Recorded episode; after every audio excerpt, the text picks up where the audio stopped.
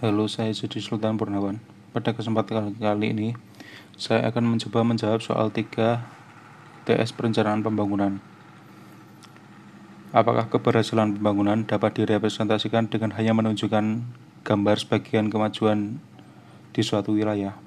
Menurut saya, gambar kemajuan perkotaan tersebut tidak bisa merepresentasikan keberhasilan pembangunan. Gambar tersebut hanya menunjukkan sebagian kecil wilayah perkotaan atau perindustrian yang berhasil, bukan suatu negara secara keseluruhan.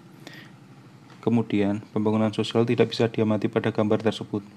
Apa yang dijadikan indikator pembangunan selain indikator ekonomi yang terdiri dari GDP, GNP, dan GNP per kapita dan juga dari sisi pekerjaan mayoritas masyarakat bekerja di bidang apa? Apakah primer seperti petani sekunder seperti manufaktur atau tersier atau kuarter? Indikator sosial juga dijadikan indikator pembangunan seperti pada bidang kesehatan, ada usaha harapan hidup, angka kematian, angka kelahiran, angka kematian anak, dan di bidang pendidikan ada angka buta huruf, di bidang kesetaraan ada kesetaraan kesempatan pria dan wanita, kesenjangan, dan kebebasan berpendapat. Lalu, apakah indikator sudah tercapai di Indonesia? Dilihat dari GNP dan GDP negara Indonesia, menunjukkan tren naik yang bisa diartikan bahwa negara Indonesia sedang mengupayakan tercapainya indikator di bidang ekonomi. Di bidang sosial, angka harapan hidup semakin menaik.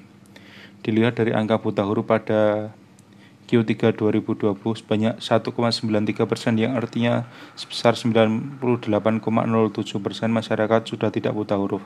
Dari indikator sosial negara Indonesia juga menunjukkan upaya untuk mencapai indikator pembangunan.